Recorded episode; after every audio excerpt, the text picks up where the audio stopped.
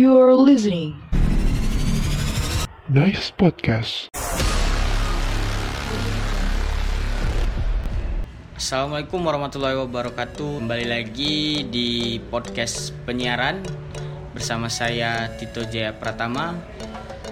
eh, ilmu komunikasi 20 dan di kesempatan kali ini kita kedatangan tamu yang sangat spesial yaitu seseorang yang menaungi dunia beatbox. Ya, sudah ada bersama saya Bang Ronald. Ya, Halo Bang. halo. Boleh nih Bang, coba perkenalan diri dulu Bang. Eh, mungkin biar teman-teman tahu juga kan, eh, saya ini eh, nama saya Ronald Santos Bisa Geronimo. Kalau di beatbox itu atau di dunia musik ataupun hip hop itu ada namanya AKA atau nama panggung. Kalau nama panggung eh, saya sih LOVO. Saya juga sekarang mahasiswa berkuliah di Universitas Yasen Kota Bengkulu semester udahlah tidak salah Kalau semester biar abang dan Tuhan lah yang tahu. Eh, Jadi panggilnya enak Bang Ronald atau Elovio nih Bang? eh, mungkin biar sapaan akrab aja sih Ronald ini. Jadi ngomongin soal beatbox, eh, mau nanya nih Bang, kira-kira Bang Ronald udah berapa lama nih di beatbox? Dari tahun kapan Bang? Eh, kalau di beatbox sih udah cukup lama sih di eh, mulainya di beatbox tuh tahun 2014 waktu masih SMA 2014. Ya. Oh, ya masih SMA. 2014 masih SMA kalau menggelutinya tuh kalau eh, aktifnya tuh sampai jadi mahasiswa juga di tahun 2017 kalau sekarang sudah udah kurang gitu aktif Kurang beatbox aktif, ya. terakhir memang benar-benar aktif tuh 2017 2014 2017 udah berapa tahun Berarti sekitar tiga tahun aktif, terus udah tiga tahun, empat tahun berhenti ya Bang? Iya. Udah mulai nggak aktif mulai lagi. nggak aktif lagi mungkin ya mulai ada kesibukan lain Iya sih, udah kuliah mulai atau kuliah. eh, pindah haluan gitu kan Iya. Eh, kalau boleh tahu, Bang Ronald dulu belajar beatbox di mana, Bang? Terus apa sih yang buat Bang Ronald kayak termotivasi gitu mau belajar beatbox? Eh, sebenarnya kalau untuk ngomongin motivasi itu nggak ada kalau motivasi sendiri sih nggak ada cuman dulu tuh eh, ada ketertarikan ya ketertarikan Eh, aku tuh punya adik gitu. Punya adik namanya Yolan. Oh, punya adik. Yolan. Pertama kali ah, si Yolan itulah yang eh, ngajak ke dunia beatbox gitu. Mengenalkan dunia mengenalkan mengenalkan ke dunia beatbox. Itu eh, pertama-tama kan sering ngasih-ngasih ini nal video beatbox Oh, video beatbox ini lihat-lihat. Ayo gabung ke komunitas. Dulu tuh ada komunitas Bengkulu Oh, ada komunitas ya ada komunitas Bengkulu dia eh, ngajak gabung ke komunitas terus nunjukin video-video. Akhirnya pertama tuh nggak suka gitu kan. Oh, akhirnya akhirnya tertarik. Tertarik. juga. Dan akhirnya masuk komunitas. Waktu itu masuk ke komunitas Rafflesia Beatbox. Eh, Rafflesia Rafflesia, Rafflesia Beatbox Squad. Biasanya kita nyebutnya kan RBS itu kan juga anak RBS juga. Waduh, waduh, di spill dong, di spill dong. Nah, terus nah ada dua komunitas, ada Bengkulu Beatbox Clan, ada Rafflesia Beatbox Squad. Kebetulan saya sendiri sih tergabung di RBS. RBS. Waktu itu diajakin sama Yolan.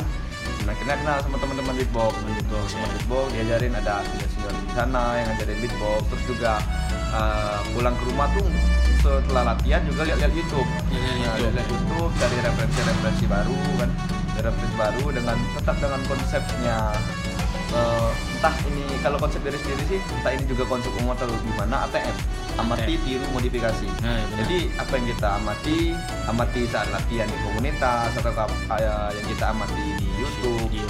terus kita tiru terus kita modifikasi dan jadi karakter sendiri Karakter sendiri. Berarti itu cara Bang Ronald belajar beatbox dan awal-awal Bang Ronald eh, berkecimpung di dunia beatbox ya, Bang? Eh, terus tadi kan Bang Ronald sempat menyinggung tuh masalah komunitas beatbox. Jadi eh, mungkin untuk teman-teman tahu bahwa di Bengkulu itu kalau untuk komunitas beatbox ada berapa bang? Ada dua. ada dua Untuk yang resmi ada dua mungkin ya. Bang. Ya. Cuman kalau kayak yang yang lain-lain mungkin lebih lah dari dua. Cuman kalau untuk yang resmi ada dua itu Ah. ada Bengkulu Beatbox ya Clan. mungkin eh, maupun ternyata kalau di kota Bengkulu tuh ada dua mungkin Kota kalau di, Bengkulu. di luar mungkin ada juga kayak di Linggau Oh, kayak di iya, iya. mungkin juga ada Berarti kalau untuk kota Bengkulu dua ya bang. ya Nah itu ada Bengkulu Beatbox Clan sama Rafflesia Beatbox Squad. Rafflesia Beatbox Squad. Jadi abang ini di Rafflesia Beatbox ya, Squad. di RWS Nah bicara soal eh, komunitas beatbox, kira-kira eh, kalau dulu tuh bisa nggak bang ceritain ke teman-teman kira-kira gimana sih keseruan dulunya di komunitas beatbox tuh kalau untuk keseruan itu sangat benar-benar seru loh. Sangat benar-benar seru. orang-orangnya masih aktif Oh, iya. saling bersinergi buat event bareng latihan bareng itu kan. Kalau untuk latihan uh, senior juga masih banyak. Jadi tuh waktu eh, aku masuk ke komunitas beatbox tuh masuk ke komunitas beatbox disambut kan disambut, oh ada anak baru nih diajarin.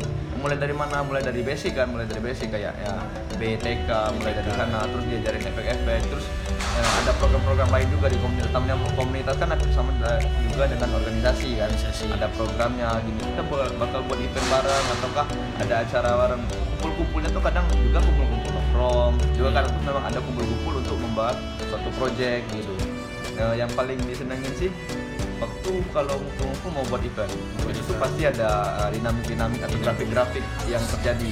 Nah, misalnya ada yang uh, uh, beribu tuh kan ada yang beribu enggak uh, Tidak- namanya ya namanya tidak cocok ya, argumen tidak ya. cocok argumen karena memang karena kalau kita mau buat suatu event menyatukan pola pikir itu kan susah kan Susah. di kelompok yang banyak jadi yang ini uh, aku nggak suka tuh dengan pendapat kamu yang itu gitu gitu gitu gitu, gitu. akhirnya uh, terbentur terbentur terbentur akhirnya terbentuk gitu terbentuk jadi suatu event dan uh, personality kami pun juga berkembang di sana Kembang. jadi selain uh, bukan cuman di yang diambil itu cuman ribu-ribunya tapi yang diambil juga Pelajaran. ada pelajaran-pelajaran di sana buat personality dan uh, karakter sendiri yang berkembang di sana di dalam komunitas berarti lumayan banyak juga keseruan dan juga selain keseruan berarti banyak pelajaran-pelajaran ya bang yang bisa Ya. diambil dari eh, komunitas beatbox itu sendiri Ya betul sekali. Eh, nah bang, kalau untuk RBS sendiri itu dari semenjak berdiri pernah ngadain event nggak bang? Uh, kalau untuk RBS sih pernah Pernah. ngadain event itu event pertama kalau nggak salah awalnya terbentuk RBS itu uh, aku sendiri sih belum masuk komunitas katanya di tahun baru itu terbentuknya RBS itu juga event RBS. Oh, event RBS. terus itu waktu aku udah masuk komunitas kebetulan juga jadi uh, penelitian kan di dalam komunitas itu anniversary-nya RBS Yang dan oh, yang yang- ya yang kedua yang kedua. Ya, jadi kebetulan juga aku yang juara gitu kan ngomong dikit Sombong apa, kan? dikit dong. Jadi Ya. eh, eventnya tuh bentuk lomba ya bang? Ya lomba, lomba beatbox. Eh, biasanya kan kalau memang bet, eh, komunitas beatbox, yang pastinya eventnya tuh battle. Battle. Jauh-jauh dari battle. Nggak jauh-jauh.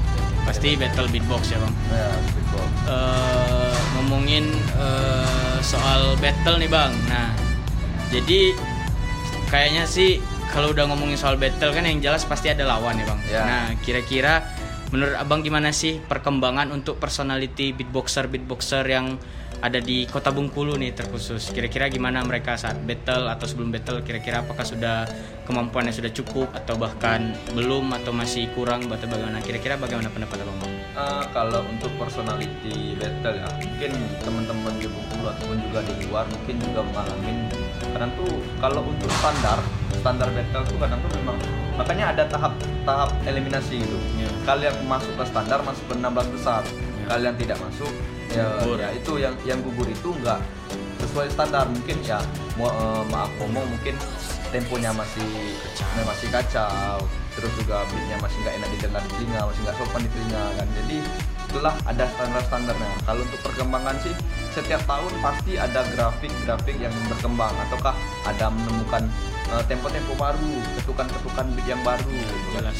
ya, yang pastinya kan di uh, global pun beatbox pun juga berkembang juga berkembang. Mungkin teman-teman juga lihat-lihat terus dan buat karakter-karakter sendiri dari itu jadi setiap tahun pun kadang tuh uh, kalau untuk di Bengkulu ya kadang memang juara juara juaranya tuh memang kadang berputar di sana- di situ-situ lah ya.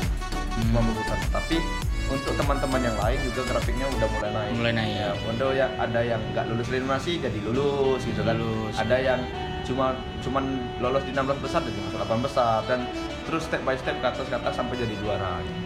Jadi udah bagus lah ya kira-kira perkembangan Iya. atau grafik eh, beatbox atau personality beatbox di Bengkulu. Nah ngomongin soal perorangan beatbox di Bang. Nah eh, jadi gini, jadi untuk dunia beatbox sendiri itu sebenarnya ini bukan masalah ya, cuman kayak sering kejadian nih Bang. Iya, iya. Kayak ada beatboxer personal yang eh, kadang dianya tuh mau beatbox tapi kayak belum mau gitu join ke komunitas. Jadi kayak memang bener-bener mau independen aja gitu. Ya. jadi mau bener-bener beatbox sendirian tampil sendirian segala macam. Nah kalau pendapat abang gimana? Apakah eh, ya fun-fun aja atau fan-fan aja kalau misalnya dia mau eh, beatbox independen tanpa masuk komunitas ataukah yang orang-orang seperti itu misal dia berbakat harus di guide oleh komunitas kira-kira gimana pendapat abang Sebenarnya kalau untuk ngomong yang itu kalau cuma ngomongin idealisme ya, kalau idealisme dan egosentris itu fine-fine aja, terserah. Tetapi alangkah sayangnya kalau kalian punya bakat, kan yang pastinya kalau kita tuh basic kita eh, seniman atau musisi, pasti tujuannya pengen nampil dong, kan pengen nampil. Alangkah sayangnya kalau kita punya bakat cuma dipendam dan pendam. Karena kan kita nih eh, secara manusia makhluk sosial tuh harus punya relasi, harus punya relasi biar kita bisa berkembang dan bisa eh, ada di puncak itu. Misalnya mau nampil harus ada relasi gitu kan. Nggak mungkin tiba-tiba orang tahu oh misalnya kan Tito oh Tito yang beatbox. Dari mana orang tahu? Iya. tiba-tiba dia nampil kan. Dan, jadi ya alangkah sayangnya harus masuk komunitas dan berbaur gitu. kalau orang-orang yang punya bakat itu. Oh, baik. Eh, sekarang nah bang eh, ngomongin beatbox ya. Mungkin dari tadi kita udah banyak cerita mengenai perkembangan beatbox di masa lampau tuh bang. Dari tahun 2014, 15, 17 nah kayaknya eh, jadi teman-teman saya sendiri juga merupakan eh, anggota komunitas Rafflesia Beatbox Squad. Nah dari pandangan saya sendiri pun mungkin sama dari Bang Ronald pun eh, mulai dari sekitar tahun 2019 2020 mungkin ditambah eh, pandemi seperti saat ini. Kayaknya memang dunia beatbox ini udah mulai buram nih Bang. Udah Hmm, Sangat- mulai memudar. sangat, sangat memudar. Jangankan beatbox. Dunia seni pun waktu pandemi atau kayak itu mulai memudar. Memudar benar-benar memudar ya Bang. jadi eh, kayak beatboxer udah mulai hilang komunitas pun udah mulai nggak aktif. Nah mungkin ini jadi pertanyaan terakhir buat Bang Ronald. Kira-kira bagaimana pendapat Bang Ronald tentang memudarnya jiwa-jiwa beatboxer lah terkhusus beatboxer dan komunitas-komunitas beatbox di kota Bengkulu terkhusus. Terus kira-kira solusinya bagaimana tuh Bang? Terkhusus di masa pandemi menurut Bang Ronald aja deh. Eh, mungkin kalau untuk solusi atau pendapat pendapat kalau untuk beatbox yang masa sekarang tuh enggak sangat-sangat tidak berkembang. Eh, saya sendiri sih sebagai anak komunitas sebagai beatboxer juga sangat-sangat kecewa dengan perkembangan sekarang kan. Eh, personalitinya sudah banyak. Yang senior-senior pun sudah banyak enggak nggak punya kesibukan lain ada yang pindah haluan ada yang pindah ke tetapi musik hip hop ada yang pindah ke rap ada yang sibuk dengan pekerjaannya masing-masing. Ya pastinya ya sejatinya manusia pasti kan punya kesibukan masing-masing. Tapi Pasti. tidak lagi eh, memikirkan tentang perkembangan apa sih yang sudah sudah lu bangun gitu. kok nggak dinaikin lagi gitu. Tetap mikirin personality. Jadi ya nggak pun RBS pun ya maaf ngomongnya RBS pun juga sekarang sudah vakum. Sudah sudah vakum. Karena orang-orangnya sudah punya kesibukan sendiri dan tidak ada lagi yang menggerakkan di sana. BBC itu terakhir ngadain acara di Bom Baru. Ya di Bom Baru itu waktu itu Westernnya memang benar-benar wah sih. Ada Wah, Rafli. ada Rafli. Ada. Rafli. Itu pun nggak ada lagi event-event gitu kan. Itu event terakhir lah Ya, event, ter- event terakhir. Dan juga kalau pantauan uh, aku sendiri sih di IG mungkin mereka ada yang uh, masih latihan masih nge-share gitu kan. Video-video gitu. Mereka tapi nggak ada lagi mungkin karena di khususnya Bengkulu mungkin khususnya Bengkulu karena kalau aku lihat sendiri sih di Indonesia ataupun global itu masih masih berjalan masih berjalan karena di Bengkulu ini eh, beatbox itu jarang berkembang karena kadang orang itu suka mengkotak-kotakan genre. Genre. Ya kalau untuk solusi gimana ya kalau ngomong solusi? Karena percuma kalau kita mau bergerak tetapi tidak punya orang-orang yang menopang Menopang, menopang. Karena yang pengen eh, gerak sendiri itu sulit gitu. Kan, sulit. Tetap ya balik-balik karena kalau untuk berkomunitas lagi, kalau saya pribadi juga agak berat gitu kan berkomunitas lagi. Karena eh, betul betul ada kesibukan masing-masing. Tapi kalau memang ada orang-orang yang pengen ngembangin lagi komunitas beatbox di Bengkulu, nah, saya pribadi siap membantu, tetapi tidak untuk menjadi Penopang tadi, ya, tidak menggerak, menjadi penopang untuk ayo kalau mau kalau mau berkembang lagi ayo saya bantu. Tapi kalau untuk penggerak sebenarnya memang tidak lagi gitu. Memang karena kan eh, sejatinya punya next next generation. iya sih benar generation, ayolah berkembang berkembang berkembang lagi. Jangan yang tua-tua aja yang terus-terusan, yang muda-mudanya mana? Iya, benar. Tetap tetap bersinergi. Ya, karena kan kita hidup kan punya step by step. Jadi eh, kalau untuk ke depannya kalau emang kawan-kawan punya minat ataukah untuk mengembangkan komunitas ibu di Bengkulu silakan. Silakan. silakan. Dan eh, kita pun yang pernah join di komunitas siap membantu. Ya, ya. saya membantu. silakan WA atau IG Ovio silakan hubungi saja. Saya siap membantu. Di Instagram Ya, love you. ya.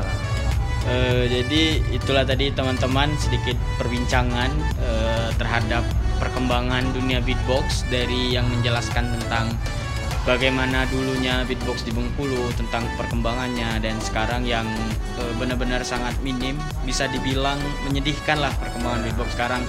Di mana eh, seperti yang dikatakan Bang Ronald tadi bahwa di sini di Bengkulu juga itu sering terjadi pengotakan jadi mungkin untuk teman-teman eh, itu saja yang dapat mungkin kami perbincangkan sedikit dengan Bang Ronald sebagai beatboxer terdahulu di Kota Bengkulu.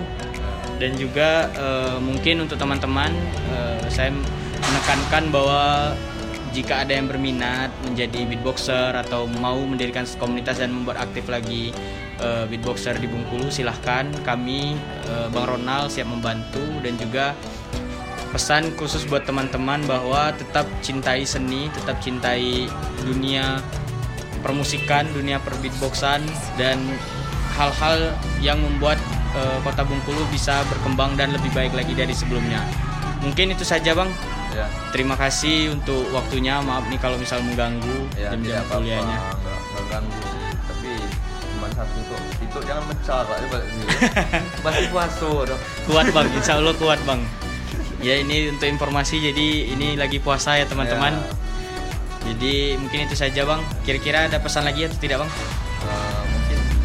tidak. Baik. Sekian dari podcast penyiaran. Sekian dari saya. Terima kasih. Wassalamualaikum warahmatullahi wabarakatuh.